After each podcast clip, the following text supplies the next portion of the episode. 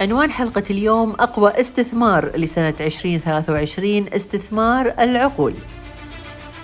اليوم راح نتكلم عن موضوع مهم لنا كمواطنين قطريين وهو كيف نعزز الموارد البشرية في بلدنا ونرفع من كفاءتها لتعزيز الاقتصاد الوطني. شنو دورنا كقادة تخطيط في دولة قطر المتقدمة والمتسارعة في التطور؟ وشنو المسؤولية اللي علينا في توجيه الاستثمار في المواهب؟ كقادة تخطيط في دولة قطر مسؤوليتنا الرئيسية هي توجيه الاستثمار في المواهب وتطوير القدرات والمهارات التي تساعد على تحقيق النمو المستدام في بلدنا.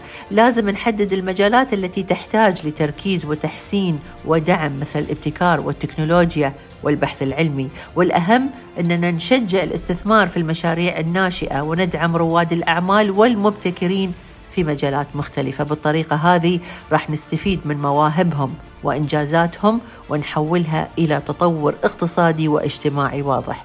وعشان نحقق هذا الهدف لابد أن نفكر بطريقة استراتيجية طويلة المدى ونحرص على تطوير بيئة العمل والأبحاث والتطوير وندعم بشكل أكبر المواهب في مختلف المجالات.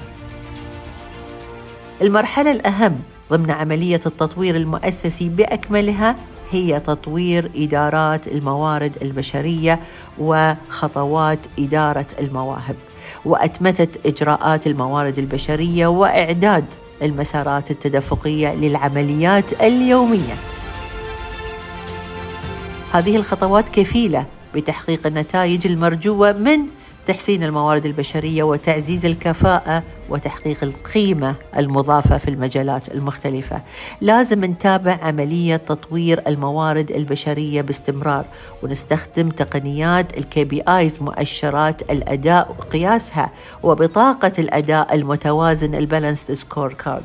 ومثل ما نعرف إنها بطاقة الأداء المتوازن هي أداء مهمة يستخدمها الوزراء والرؤساء التنفيذيين والمدراء لتنفيذ وتتبع الأنشطة من قبل الموظفين مثل الداش بورد في الطيارة أو في السيارة.